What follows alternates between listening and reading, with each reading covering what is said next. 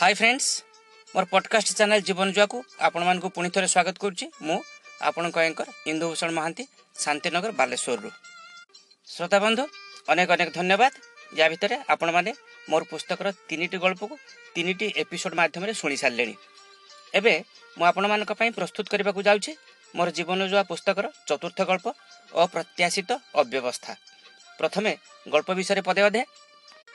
ଗତ ବର୍ଷ ଦୁଇହଜାର କୋଡ଼ିଏର ଆରମ୍ଭରେ ସାରା ବିଶ୍ୱରେ ମାଡ଼ି ଯାଇଥିଲା କରୋନା ମହାମାରୀ ସେତେବେଳର ଭୟାବହ ପରିସ୍ଥିତି ଆପଣମାନେ ନିଜେ ଅଙ୍ଗେ ନିଭେଇଛନ୍ତି ସାରା ପୃଥିବୀକୁ ଏକ ପ୍ରକାର ଷ୍ଟାଣ୍ଡ ଷ୍ଟିଲ୍ ଅବସ୍ଥାକୁ ନେଇଯାଇଥିଲା କରୋନାଟା କୋଟି କୋଟି ଲୋକ କରୋନାରେ ଆକ୍ରାନ୍ତ ହେଲେ ଏବଂ ଲକ୍ଷ ଲକ୍ଷ ଲୋକ ମଲେ ବି ଏଥିରେ ଏମିତି ଅବସ୍ଥା ହେଲା ଯେ ଡାକ୍ତରଖାନାମାନଙ୍କରେ ବେଡ୍ର ଅଭାବ ପଡ଼ିଗଲା ସ୍ୱାସ୍ଥ୍ୟ କ୍ଷେତ୍ରରେ ବିଭିନ୍ନ ପ୍ରକାରର ଅବ୍ୟବସ୍ଥା କଥା ବାରମ୍ବାର ସୋସିଆଲ ମିଡ଼ିଆରେ ପ୍ରଚାର ହେଉଥାଏ ବହୁତ ଡର ବି ଲାଗୁଥାଏ ସେମିତି ଏକ କାଳ୍ପନିକ ବିଷୟବସ୍ତୁକୁ ନେଇ ମୋର ବର୍ତ୍ତମାନର ଗଳ୍ପ ଅପ୍ରତ୍ୟାଶିତ ଅବ୍ୟବସ୍ଥା।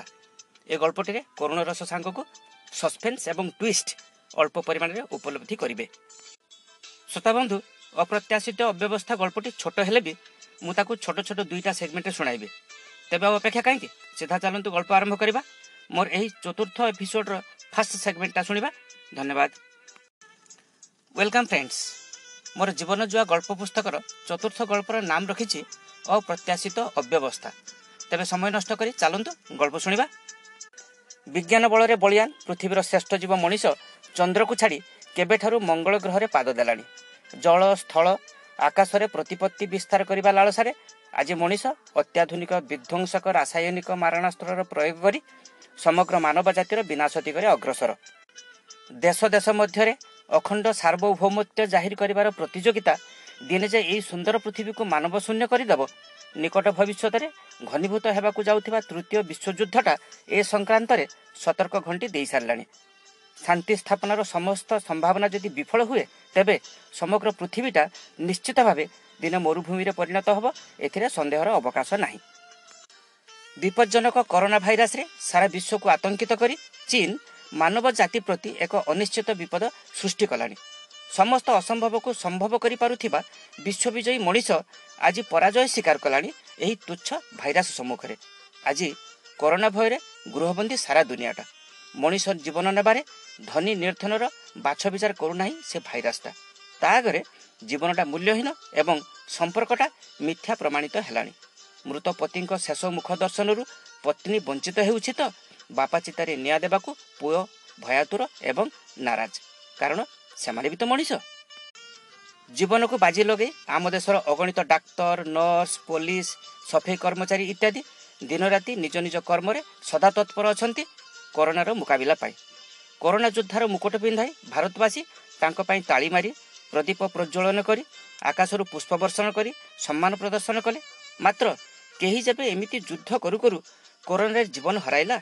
ତା ପରିବାରର ଯେଉଁ ପ୍ରଦୀପଟା ସବୁଦିନ ପାଇଁ ନିର୍ବାପିତ ହୋଇଗଲା ତାକୁ ଉଜ୍ଜୀବିତ କରିବ କିଏ ଏମିତି ଜଣେ କରୋନା ଯୋଦ୍ଧା ସତ୍ୟେନ୍ଦ୍ର ରାୟ କଟକ ପୌରପାଳିକାର ଜଣେ କର୍ତ୍ତବ୍ୟପରାୟଣ ଯୁବ ସଫେଇ କର୍ମଚାରୀ କଟକ ବଡ଼ ଡାକ୍ତରଖାନାକୁ ଜୀବାଣୁ ଶୂନ୍ୟ କରିବା ଅର୍ଥାତ୍ ସାନିଟାଇଜେସନ୍ ସେ ଦାୟିତ୍ୱରେ ମୁତୟନ ଥାନ୍ତି ସତ୍ୟେନ୍ଦ୍ର ଅନ୍ୟ ସହକର୍ମୀଙ୍କ ସହ ଅନବରତ ଲାଗିଥାନ୍ତି ନିଜ କାମରେ ନିରନ୍ତର କର୍ତ୍ତବ୍ୟ ସମ୍ପାଦନାରେ ଥାଇ କରୋନାର ଭୟଟା ତାଙ୍କ ମନରୁ ଦୂର ହୋଇଗଲାଣି ଅନେକ ଆଗରୁ ୟା ଭିତରେ ତାଙ୍କର କେତେଜଣ ସହକର୍ମୀ କରୋନାରେ ସଂକ୍ରମିତ ହୋଇସାରିଲେଣି ଏବଂ ସେମାନଙ୍କ ମଧ୍ୟରୁ କେତେଜଣ ବି ମୃତ୍ୟୁ ମୁଖରେ ପଡ଼ିଲେଣି ତଥାପି ନିରୁପାଇ ଥିଲେ ସତ୍ୟେନ୍ଦ୍ର କାରଣ ତାଙ୍କ ପାଇଁ ଥିଲା କର୍ମ ହିଁ ଭଗବାନ ଶେଷରେ ପାଳି ପଡ଼ିଲା ସତ୍ୟେନ୍ଦ୍ରଙ୍କର ସକାଳେ ଘରୁ ଆସିବାର ଅଳ୍ପ ସମୟ ପରେ ଜ୍ୱର ମୁଣ୍ଡବିନ୍ଧା ସହ କ୍ଳାନ୍ତି ଅନୁଭବ କଲେ ସତ୍ୟେନ୍ଦ୍ର ପ୍ରାଥମିକ ସ୍ୱାସ୍ଥ୍ୟ ପରୀକ୍ଷାରୁ କରୋନା ସଂକ୍ରମଣର ଲକ୍ଷଣ ଜାଣିପାରି ବାଇକ୍ରେ ଘରକୁ ଫେରି ଆସିଲେ ପୁରା ଡାକ୍ତରଖାନାଟିକୁ ଜୀବାଣୁମୁକ୍ତ କରୁ କରୁ ଶେଷରେ ସତ୍ୟେନ୍ଦ୍ର ନିଜେ ହିଁ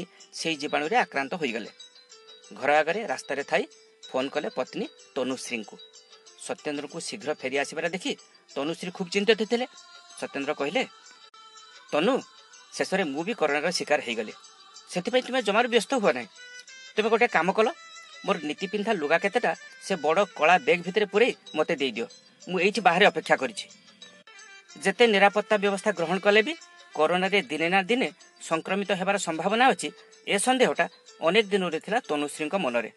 ତାଙ୍କ ଅସହାୟତା ଉପଲବ୍ଧି କରି ସାହସ ଦେଇ ସତ୍ୟେନ୍ଦ୍ର କହିଲେ ଆରେ ତୁମେ ଏମିତି ଡରିଗଲେ ଚଳିବ? କରୋନାରୁ ଲକ୍ଷ ଲକ୍ଷ ଲୋକ ତ ପୁଣି ଭଲ ହେଉଛନ୍ତି ନା ନାହିଁ ମାତ୍ର ପନ୍ଦର ଦିନର କଥା ମୁଁ ବଡ଼ ହସ୍ପିଟାଲକୁ ନ ଯାଇ ଆଜି ସିଟି ହସ୍ପିଟାଲକୁ ଯାଉଛି। ସେଠାରେ ଭଲ ଚିକିତ୍ସା ଛଡ଼ା ଖାଇବା ପିଇବାର ବି ସୁବନ୍ଦୋବସ୍ତ ଅଛି। ହଁ ପପୁ ନିଦରୁ ଉଠିଲେ ତାକୁ ଭଲ ଭାବରେ ବୁଝେଇଦେବ ନିହାତି ଆବଶ୍ୟକତା ନଥିଲେ ତାକୁ ଜମାରୁ ବାହାରକୁ ପଠାଇବ ନାହିଁ। ମୁଁ ତୁମକୁ ମଝିରେ ମଝିରେ ଫୋନ୍ କରି ମୋର ହାଲଚାଲ ଜଣାଇବି। ଶୁଣାଯାଉଛି ଆଜିକାଲି ପରା କରୋନା ଭାଇରସଟା ପବନରେ ବି ଉଡ଼ିଲାଣି। ତେଣୁ ତୁମର ସେଟାକୁ ଯିବା ଦ- ଜମାରୁ ଦରକାର ନାହିଁ। ଆଜି ହେଲା ଅଗଷ୍ଟ ଏକ ତାରିଖ। ଦେଖିବ ମୁଁ ଅଗଷ୍ଟ ଦଶ ତାରିଖ ଆଗରୁ ଭଲ ହୋଇ ଫେରି ଆସିଥିବି। ତୁମେ ଦୁହେଁ ଅତି ସାବଧାନ ରହିବ। ଆଚ୍ଛା ମୁଁ ଏବେ ଆସୁଛି। ଗାଡ଼ିଠାରୁ ଦୂରରେ ତନୁଶ୍ରୀ ରଖିଥିବା ବ୍ୟାଗ୍ଟିକୁ ନେଇ ସତ୍ୟେନ୍ଦ୍ର ଚାଲିଲେ ସିଟି ହସ୍ପିଟାଲ ଆଡ଼କୁ। ହସ ହସ ମୁହଁରେ ସେ ବିଦାୟ ନେଇଗଲେ ସତ ତନୁଶ୍ରୀଙ୍କ ମନରେ ଅନେକ ଦୁଶ୍ଚିନ୍ତା। କୁଆଡ଼େ ଥିଲା ଏଇ କରୋନାଟା? ଯାହାକୁ ଧରୁଛି ସାଙ୍ଗରେ ନେଇକରି ଯାଉଛି। ଠାକୁରେ ଶୀଘ୍ର ଭଲ କରିଦିଅନ୍ତୁ ସତ୍ୟେନ୍ଦ୍ରଙ୍କୁ। ତାଙ୍କ ଆଶୁ ଆରୋଗ୍ୟ କାମନା କରି ତନୁଶ୍ରୀ ଦେବଦେବ ମହାଦେବଙ୍କ ପାଖରେ ଗୁହାରି କରୁଥାନ୍ତି। ସହରର ମଧ୍ୟସ୍ଥଳରେ ସିଟି ହସ୍ପିଟାଲ ଗତ ଏପ୍ରିଲ ମାସରୁ ପୁରାପୁରି କୋଭିଡ ହସ୍ପିଟାଲରେ ପରିଣତ ହୋଇସାରିଲାଣି ଡାକ୍ତର ନର୍ସମାନେ ଅହରହ ସଂଗ୍ରାମ କରୁଥାନ୍ତି ରୋଗୀଙ୍କ ଜୀବନ ବଞ୍ଚାଇବା ପାଇଁ।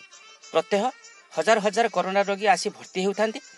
ସୌଭାଗ୍ୟକ୍ରମେ ବହୁ ସଂଖ୍ୟାରେ ରୋଗୀ ଭଲ ହୋଇ ସେଠାରୁ ଘରକୁ ଫେରୁଥାନ୍ତି ବି। ଅନେକ ରୋଗୀ ମରିଯିବା ପରେ ତାଙ୍କ ଶବଗୁଡ଼ିକୁ ଆତ୍ମୀୟ ସ୍ୱଜନଙ୍କ ଆସିବା ପର୍ଯ୍ୟନ୍ତ ଶବଗୃହରେ ସୁରକ୍ଷିତ ରଖାଯାଉଥାଏ। ସ୍ଥାନ ଅଭାବରୁ କିଛି ଶବକୁ ପ୍ଲାଷ୍ଟିକ ଖୋଳ ଭିତରେ ଭର୍ତ୍ତି କରି ତଳେ ଚଟାଣ ଉପରେ ବି ରଖି ଦିଆଯାଉଥାଏ। ଏମିତି ଅବ୍ୟବସ୍ଥା ମଧ୍ୟରେ ସତ୍ୟେନ୍ଦ୍ର ପହଞ୍ଚିଲେ ସିଟି ହସ୍ପିଟାଲରେ ପ୍ରଥମେ କାଉଣ୍ଟରରେ ତାଙ୍କର ରୀତିମତ ପରୀକ୍ଷା ଚାଲିଲା।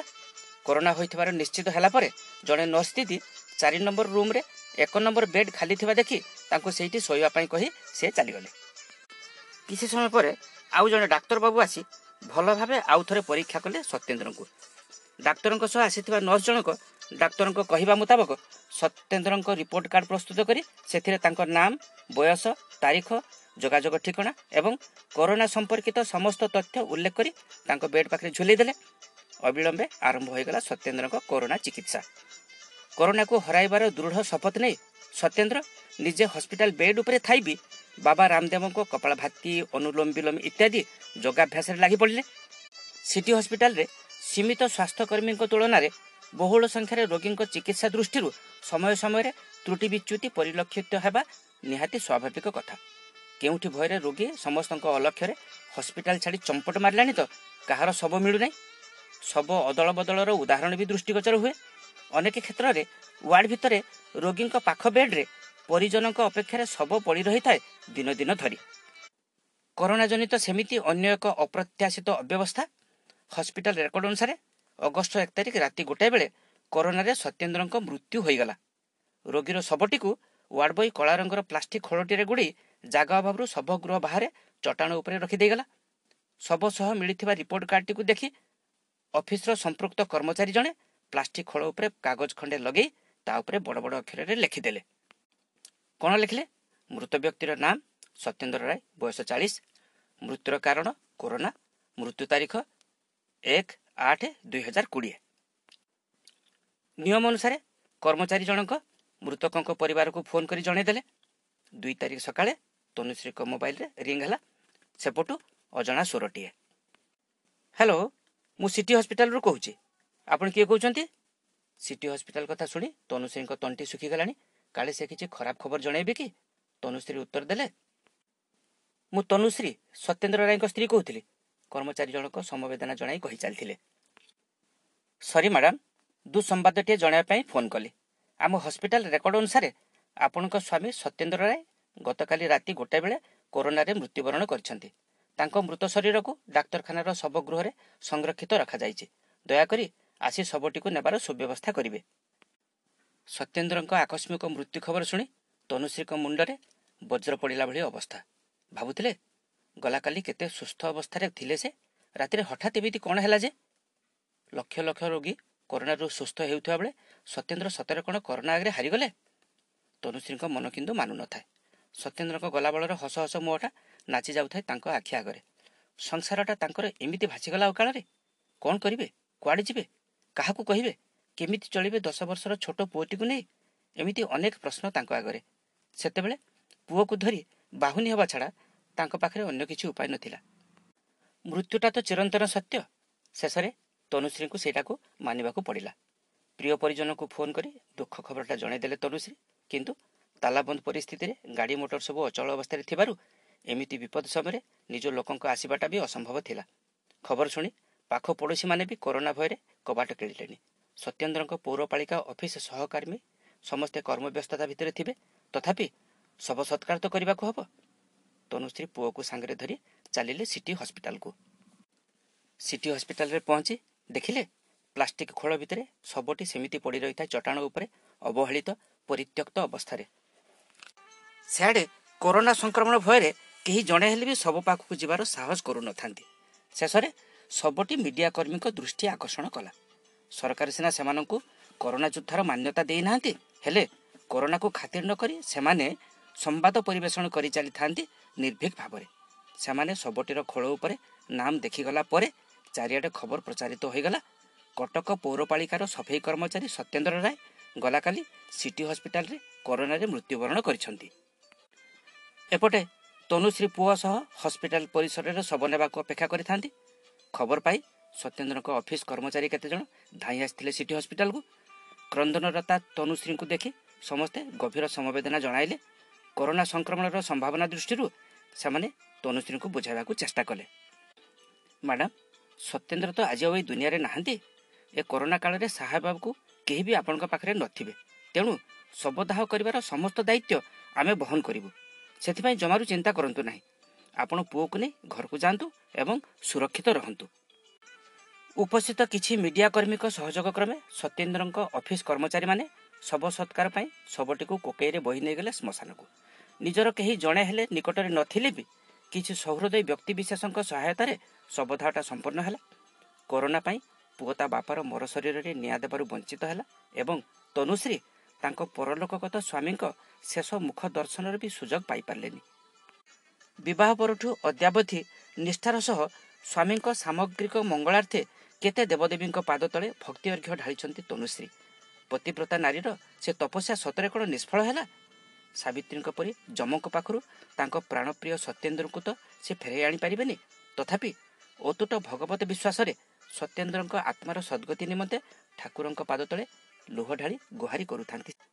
ଜନ୍ମ ଜନ୍ମର ସାଥୀ ସତ୍ୟେନ୍ଦ୍ରଙ୍କ ଅନୁପସ୍ଥିତିରେ ଅନେକ ଭାଙ୍ଗି ପଡ଼ିଥିଲେ ତନୁଶ୍ରୀ। ଏକୁଟିଆ ଏ ସହରରେ କାହା ଭରସାରେ ରହିବେ ସେ? ପୁଅର ପାଠପଢ଼ାଟା ବା ସିଆଡ଼େ ଗାଁରେ ହେବ। ଭଡ଼ା ଘରଟିକୁ କିଛି ଦିନ ମଧ୍ୟରେ ଖାଲି କରିବା ପାଇଁ ମାନସିକ ସ୍ତରରେ ସେ ପ୍ରସ୍ତୁତ ହେଉଥାନ୍ତି। କେବଳ ଶୁଦ୍ଧି କାମଟା ଶେଷ କରିବା ଅପେକ୍ଷାରେ ଥାନ୍ତି ତନୁଶ୍ରୀ। ଶ୍ରୋତା ବନ୍ଧୁ ଅପ୍ରତ୍ୟାଶିତ ଅବ୍ୟବସ୍ଥା ଗଳ୍ପର ଫାଷ୍ଟ ସେଗମେଣ୍ଟକୁ ମୁଁ ଏଇଠି ରଖୁଛି। ଏହି ଏପିସୋଡ ଆରମ୍ଭରେ ମୁଁ ଯେଉଁ ସସ୍ପେନ୍ସ ଏବଂ ଟୁଇଷ୍ଟ କଥା କହିଥିଲି ସେ ବିଷୟରେ ଆପଣମାନେ ଜାଣିବେ ସେକେଣ୍ଡ ଆଣ୍ଡ ଲାଷ୍ଟ ସେଗମେଣ୍ଟରେ ଧନ୍ୟବାଦ। ଫ୍ରେଣ୍ଡସ୍ ମୋର ଫୋର୍ଥ ଏପିସୋଡର ସେକେଣ୍ଡ ସେଗମେଣ୍ଟକୁ ମୁଁ ଆପଣମାନଙ୍କୁ ସ୍ୱାଗତ କରୁଛି। ଯେଉଁଥିରେ ମୁଁ ଆପଣମାନଙ୍କୁ ମୋର ଗଳ୍ପରେ ଘଟିଥିବା ଅପ୍ରତ୍ୟାଶିତ ଅବ୍ୟବସ୍ଥା ସମ୍ପର୍କରେ କହିବି। ୟା ଆଗରୁ ଆପଣମାନେ ଶୁଣିଥିଲେ କଟକ ପୌରପାଳିକାର ସଫେଇ କର୍ମଚାରୀ ସତ୍ୟେନ୍ଦ୍ର ରାୟ ସିଟି ହସ୍ପିଟାଲରେ କରୋନାରେ ମୃତ୍ୟୁବରଣ କଲେ। ପତିଙ୍କ ମୃତ୍ୟୁ ଖବର ପାଇ ତାଙ୍କ ପତ୍ନୀ ତନୁଶ୍ରୀ ଅନେକ ଭାଙ୍ଗି ପଡ଼ିଥିଲେ। ଭାଙ୍ଗି ପଡ଼ିବା ବି ସ୍ୱାଭାବିକ କଥା। ତାପରେ କ'ଣ ହେଲା? ଆସନ୍ତୁ ଶୁଣିବା ଏହି ସେଗମେଣ୍ଟରେ ୟା ଭିତରେ ବିତିଗଲାଣି ଆଠ ଦିନ। ସକାଳେ ହଠାତ୍ ଘରର କଲିଂ ବେଲ୍ ବାଜି ଉଠିଲା ସୁମଧୁର ସ୍ୱରରେ। ତନୁଶ୍ରୀଙ୍କ ନିଦ ଭାଙ୍ଗିଗଲା। ବୋଉ ପାଖରେ ପପୁ ଶୋଇଥିଲା ଶୋଇବା ଘରେ। ନିଦୁଆ ଆଖିରେ ଆସି କବାଟ ଖୋଲି ନିଜ ଆଖିକୁ ବିଶ୍ୱାସ କରିପାରିଲାନି ପପୁ। ଚିତ୍କାର କରି ଉଠିଲା ସେ। ବୋଉ ଶୀଘ୍ର ଆସିଲୁ। ଦେଖିଲୁ କିଏ ଆସିଛନ୍ତି? ପୁଅ ଡାକ ଶୁଣି ଉତ୍କଣ୍ଠାର ସହ ତନୁଶ୍ରୀ ଯାଇ ଦେଖନ୍ତି ତ ବାହାରେ କବାଟ ପାଖରେ ଛିଡ଼ା ହୋଇ ସତ୍ୟେନ୍ଦ୍ର ହସି ହସି କହୁଥାନ୍ତି। କ'ଣ ଗଲାବେଳେ ମୁଁ କହିଯାଇଥିଲି ନା ଶୀଘ୍ର ଫେରି ଆସିବି ବୋଲି? ଦେଖ ଆଠ ଦିନରେ କେମିତି ସମ୍ପୂର୍ଣ୍ଣ ସୁସ୍ଥ ହୋଇ ଫେରି ଆସିଲି ମୁଁ। ନିର୍ବାକ ତନୁଶ୍ରୀ ଭାବୁଥିଲେ ସତରେ ସେ ସ୍ୱପ୍ନ ଦେଖୁନାହାନ୍ତି ତ? ମୃତ୍ୟୁ ପରେ ପୋଡ଼ି ହୋଇ ମାଟିରେ ମିଶି ଯାଇଥିବା ଲୋକଟି ସଶରୀରେ ତାଙ୍କ ଆଗରେ ଦଣ୍ଡାୟମାନ। କେମିତି ସମ୍ଭବ ଏଇଟା? ପାଟିରୁ ତାଙ୍କର ଗୋଟାଏ ହେଲେ ବି ଶବ୍ଦ ବାହାରୁ ନଥାଏ। ଆଖି ମେଲା କରି ପ୍ରଶ୍ନ ସୂଚକ ଦୃଷ୍ଟିରେ ତନୁଶ୍ରୀ ଚାହିଁ ରହିଥାନ୍ତି ସତ୍ୟେନ୍ଦ୍ରଙ୍କ ଆଡ଼କୁ। ସତ୍ୟେନ୍ଦ୍ର ପଚାରିଲେ ଆରେ କ'ଣ ହେଲା? ମୋର ଫେରି ଆସିବାରେ ତୁମେ ଦୁହେଁ ଖୁସି ହେବା ପରିବର୍ତ୍ତେ ଏମିତି ମୁହଁ ଶୁଖେଇ ଠିଆ ହେଲ ଯେ? ବୋଉଙ୍କ ପାଖକୁ ଯାଇ ପପୁ ଧୀର ସ୍ୱରରେ ପଚାରିଲା ବୋଉ ଏ ସତରେ ମୋ ବାପା ତ? ତନୁଶ୍ରୀଙ୍କୁ ଚାହିଁ ଆଶ୍ଚର୍ଯ୍ୟ ହୋଇ ସତ୍ୟେନ୍ଦ୍ର ପଚାରିଲେ କ'ଣ ହେଇଛି ତନୁ? କହୁନ? ଓହୋ ବୁଝିପାରିଲି। ତମେ ବିଶ୍ୱାସ କରିପାରୁନ ଯେ ମୁଁ ଏତେ କମ୍ ସମୟରେ କରୋନାରୁ ଭଲ ହୋଇ ଫେରି ଆସିବି ବୋଲି। କ'ଣ ଏଇଆ ନା? ଆଚ୍ଛା ସେ କଥାଟା ପରେ ବୁଝିବା। ତୁମେ ଆଗ ମୋ ପାଇଁ ସାବୁନ ଓ ବାଲ୍ଟିଏ ଗରମ ପାଣି ଦିଅ ତ। ମୁଁ ଏଇଠି ବାହାରେ ଗାଧୋଇ ସାରି ତାପରେ ଯାଇ ଘର ଭିତରକୁ ପଶିବି। ତନୁଶ୍ରୀଙ୍କ ମନରେ ଉଙ୍କି ମାରୁଥାଏ ଅସଂଖ୍ୟ ଅସମାହିତ ପ୍ରଶ୍ନ। ସାବୁନ ଓ ଗରମ ପାଣି ବାଲ୍ଟିଏ ବାହାରକୁ ଦେଇ ଅପେକ୍ଷା କରିଥାନ୍ତି ସେ। ମୃତ୍ୟୁ ପରେ ଜୀବନ୍ତ ଅବସ୍ଥାରେ ଫେରିଆସିଥିବା ସ୍ୱାମୀଙ୍କୁ ଦେଖି ଆତ୍ମହରା ତନୁଶ୍ରୀଙ୍କ ନୟନରୁ ବୋହି ଯାଉଥାଏ ଆନନ୍ଦର ଅଶ୍ରୁଧାର। ସିଆଡ଼େ ଭଲ ଭାବରେ ଗାଧୋଇ ସାରି ସତ୍ୟେନ୍ଦ୍ର ଘର ଭିତରକୁ ପଶି ଆସିଲେ। ନିଜକୁ ଆଉ ସମ୍ଭାଳି ପାରୁନଥିଲେ ତନୁଶ୍ରୀ। ନିବିଡ଼ ଆଶ୍ଲେଷରେ ଆବଦ୍ଧ କଲେ ସତ୍ୟେନ୍ଦ୍ରଙ୍କୁ। ମୃତ ବାପାଙ୍କ ପ୍ରତ୍ୟାବର୍ତ୍ତନରେ ଖୁସି ହେଇ ପପୁ ବି ବାପାକୁ କୁଣ୍ଢେଇ କାନ୍ଦି ପକାଇଲା। ମା ପୁଅଙ୍କ ଏତାଦୃଶ ଭାବପ୍ରବଣତାରେ ଆଶ୍ଚର୍ଯ୍ୟାନ୍ୱିତ ସତ୍ୟେନ୍ଦ୍ର କହିଲେ ଆରେ କ'ଣ ହେଲା? ମୋ ଉପରେ ତୁମ ଦୁଇ ଜଣଙ୍କ କ'ଣ ଭରସା ନଥିଲା? ମୁଁ କ'ଣ ଏତେ ସହଜରେ ତୁମ ଦୁଇ ଜଣଙ୍କୁ ଛାଡ଼ି ଯାଇପାରିବି? ଆରେ ଇଏ ତ ଛାର କରୋନା ଭାଇରସ୍ ସ୍ୱୟଂ ଯମରାଜ ଆସିଥିଲେ ତାଙ୍କୁ ବି ମୁଁ ପରାସ୍ତ କରିଥାନ୍ତି ତୁମ ଦୁଇ ଜଣଙ୍କ ପାଇଁ। ଘରେ ତ କିଛି ଖାଇବାକୁ ନଥିଲା। ସତ୍ୟେନ୍ଦ୍ରକୁ ଚା ବିସ୍କୁଟ ଖାଇବାକୁ ଦେଇ ତନୁଶ୍ରୀ ନିଜ ମାନସିକ ଦ୍ୱନ୍ଦ୍ୱରେ ପୂର୍ଣ୍ଣଚ୍ଛେଦ ପକାଇବା ଉଦ୍ଦେଶ୍ୟରେ ତାଙ୍କ ପାଖରେ ବସି ପଡ଼ିଲେ ଅପଲୋକ ନୟନରେ ମନ ଭରି ଦେଖୁଥାନ୍ତି ସତ୍ୟେନ୍ଦ୍ରକୁ କାରଣ ମୃତ୍ୟୁ ପରେ ଫେରି ପାଇଛନ୍ତି ନିଜ ସ୍ୱାମୀଙ୍କୁ। ହୃଦୟର ଦ୍ୱନ୍ଦ୍ୱ କେମିତି ଉଚ୍ଚାରଣ କରିବେ ସେ ଅଶୁଭ କଥାଟିକୁ? ଅନେକ ଭାବିଚିନ୍ତି ଶେଷରେ ପଚାରିଲେ ତୁମେ ଯିବା ପରଠାରୁ ଥରେ ହେଲେ ବି ଫୋନ୍ କଲ ନାହିଁ ଯେ। ମୁଁ ବାରମ୍ବାର ଫୋନ୍ କଲେ ତୁମ ମୋବାଇଲରେ ତ ରିଙ୍ଗ ହେଉଥିଲା। ଥରେ ବି ଭାବିଲନି ତୁମ ଖବର ଜାଣିବାକୁ ଆମେ ଦୁହେଁ ଏଠି କେମିତି ବ୍ୟସ୍ତ ହେଉଥିବୁ? ଏଥର ସତ୍ୟେନ୍ଦ୍ର ବୁଝିପାରିଲେ ତନୁଶ୍ରୀଙ୍କ ମାନ ଅଭିମାନର ଅସଲ କାରଣଟା। ତନୁଶ୍ରୀକୁ ସାନ୍ତ୍ୱନା ଦେବାକୁ ଯାଇ ସତ୍ୟେନ୍ଦ୍ର ସେଦିନର ପୁରା ଘଟଣା ସମ୍ପର୍କରେ କହି ଚାଲିଲେ ତାଙ୍କ ସ୍ୱାଭାବିକ ଢଙ୍ଗରେ। ସେଦିନର ଘଟଣାକ୍ରମଟି ଥିଲା ଏମିତି। ସତ୍ୟେନ୍ଦ୍ର ସିଟି ହସ୍ପିଟାଲରେ ଭର୍ତ୍ତି ହେବା ଦିନ ସମୟ ରାତି ଏଗାରଟା। ଖାଇସାରି ଶୋଇବା ଆଗରୁ ନିତ୍ୟକର୍ମ ସାରିବା ପାଇଁ ସେ ଗଲେ ବାଥରୁମକୁ। ଫେରି ଆସି ଦେଖନ୍ତି ତ ୟା ଭିତରେ ୱାର୍ଡ ବୟ ଅତି ଗମ୍ଭୀର ଅବସ୍ଥାରେ ଥିବା ଜଣେ କରୋନା ରୋଗୀକୁ ଆଣି ସତ୍ୟେନ୍ଦ୍ରଙ୍କ ବେଡ୍ ଖାଲି ଥିବାର ଦେଖି ସେଥିରେ ଶୁଆଇ ଦେଇଗଲାଣି। ରୋଗୀ ସହ ଆସିଥିବା ଡାକ୍ତର ଓ ନର୍ସମାନେ ଘେରି ରହିଥାନ୍ତି ତାଙ୍କ ବେଡ୍ ଚାରିପାଖରେ। ରୋଗୀ ମୁହଁରେ ଅମ୍ଳଜାନ ମାସ୍କ ଖଞ୍ଜାଗଲାଣି। ରୋଗୀର ଜୀବନ ବଞ୍ଚାଇବା ପାଇଁ ଡାକ୍ତରମାନେ ରୀତିମତ ଇଞ୍ଜେକ୍ସନ ଫୋଡ଼ି ଚାଲିଥାନ୍ତି। ତେଣୁ ପରିସ୍ଥିତିର ଗୁରୁତ୍ୱ ଉପଲବ୍ଧି କରି ସତ୍ୟେନ୍ଦ୍ର କାହାକୁ କିଛି ନ କହି ପାଖରେ ଖାଲି ଥିବା ଚାରି ନମ୍ବର ବେଡ୍ରେ ଯାଇ ଶୋଇପଡ଼ିଲେ ପରଦିନ ସକାଳେ ନିଦ ଭାଙ୍ଗିଲା ବେଳକୁ ସତ୍ୟେନ୍ଦ୍ର ଦେଖନ୍ତି ତ ଏକ ନମ୍ବର ବେଡ୍ରେ ଗଲାକାଲି ରାତିରେ ଚିକିତ୍ସିତ ହେଉଥିବା ରୋଗୀ ଜଣଙ୍କ ବଦଳରେ ଆଉ ଜଣେ କୋଡ଼ିଏ ବାଇଶ ବର୍ଷର ପିଲା ଆସି ଶୋଇପଡ଼ିଲାନି ପିଲାଟିକୁ ଆରାମରେ ଶୋଇ ମୋବାଇଲରେ ଭିଡ଼ିଓ ଗେମ୍ ଖେଳିବାର ଦେଖି ସତ୍ୟେନ୍ଦ୍ର ଭାବିଲେ ତାଙ୍କୁ ତ ବେଡ୍ଟିଏ ମିଳିଯାଇଛି ଅଯଥାରେ ସେ ପିଲାଟିକୁ କାହିଁକି ହଇରାଣ କରିବେ? ଏକ ନମ୍ବର ବେଡ୍ ପାଖକୁ ଯାଇ ଦେଖନ୍ତି ତ ତାଙ୍କ ମୋବାଇଲ ନାହିଁ କି ତାଙ୍କ ନାମରେ ଉଦ୍ଦିଷ୍ଟ ରିପୋର୍ଟ କାର୍ଡଟି ମଧ୍ୟ ନାହିଁ। ରିପୋର୍ଟ କାର୍ଡଟିକୁ ତ ଆଉଥରେ ତିଆରି କରାଯାଇପାରେ। କିନ୍ତୁ ମୋବାଇଲ ବିନା ତନୁଶ୍ରୀ କିମ୍ବା ଆଉ କାହା ସହ କେମିତି ଯୋଗାଯୋଗ କରିବେ? ଅନ୍ୟ କାହାକୁ ମୋବାଇଲ ମାଗିବେ କେମିତି? କିଏ ବା କାହିଁକି ମୋବାଇଲ ଦେବାକୁ ଯିବ? ମୋବାଇଲ ବିନା ବଡ଼ ଅଡ଼ୁଆ ପରିସ୍ଥିତିରେ ଥିଲେ ସତ୍ୟେନ୍ଦ୍ର। ଭାଗ୍ୟକୁ ବେଡ୍ ତଳେ ଚଟାଣ ଉପରେ ତାଙ୍କ କଳା ବେଗ୍ଟା ରହିଯାଇଥିଲା ବୋଲି ସେଠାରେ ତାଙ୍କର ବିଶେଷ ଅସୁବିଧା ହେଲାନି। ସତ୍ୟେନ୍ଦ୍ର ତାଙ୍କ ପାଖ ଛଅ ନମ୍ବର ବେଡ୍ରେ ଥିବା ରୋଗୀଙ୍କ ପାଖରୁ ଜାଣିବାକୁ ପାଇଲେ ଗତକାଲି ରାତିରେ ଏକ ନମ୍ବର ବେଡ୍ରେ ଚିକିତ୍ସିତ ହେଉଥିବା ରୋଗୀ ଜଣକ ଡାକ୍ତରୀ ଦଳଙ୍କ ଅକ୍ଳାନ୍ତ ପରିଶ୍ରମ ସତ୍ତ୍ୱେ ପାଖାପାଖି ରାତି ଗୋଟାଏ ବେଳେ କରୋନାରେ ପ୍ରାଣତ୍ୟାଗ କଲେ। ସେଆଡ଼େ କଥିତ ମୃତ ରୋଗୀଙ୍କ ପରିଜନମାନେ କରୋନା ଭୟରେ ଶବ ନେବେ କ'ଣ ହସ୍ପିଟାଲ ଛାଡ଼ି ଫେରାର ହୋଇଯାଇଥିଲେ। ସେମାନେ ହୁଏତ ଭାବିଥିଲେ ରୋଗୀ ତ ମଲା ତା ପାଇଁ ଅନ୍ୟମାନେ କାହିଁକି କରୋନାରେ ମରିବାକୁ ଯିବେ? କିନ୍ତୁ ସେମାନେ ହୁଏତ ଭୁଲି ଯାଇଥିଲେ ମୃତ୍ୟୁ ପରେ ମୃତ ବ୍ୟକ୍ତିର ଶବ ସତ୍କାର କରିବାଟା ସେମାନଙ୍କ ନିଜର କର୍ତ୍ତବ୍ୟ।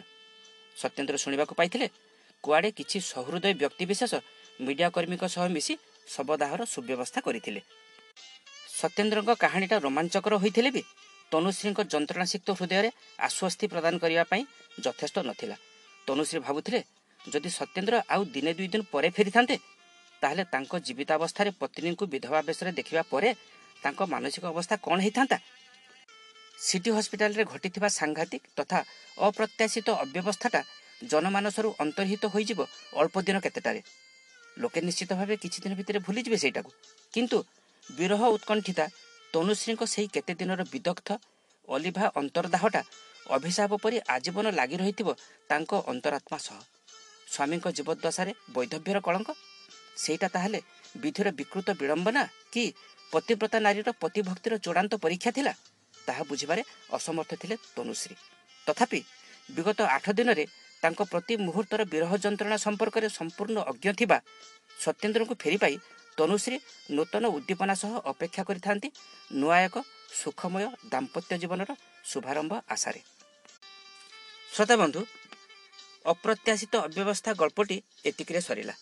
ଏଥିରେ ବର୍ଣ୍ଣିତ ହୋଇଥିବା ଘଟଣାଟି ଗୋଟେ ସାମାନ୍ୟ ଅବ୍ୟବସ୍ଥା ଛଡ଼ା ଆଉ କିଛି ହୋଇନଥିଲେ ବି ଅତି ଅପ୍ରତ୍ୟାଶିତ ଭାବେ ଘଟିଥିଲା ସେହି ଘଟଣାଟା। କରୋନା ସମୟରେ ଏମିତି ଅନେକ ଘଟଣା ଦୁର୍ଘଟଣା ଘଟି ଯାଇଥିଲା।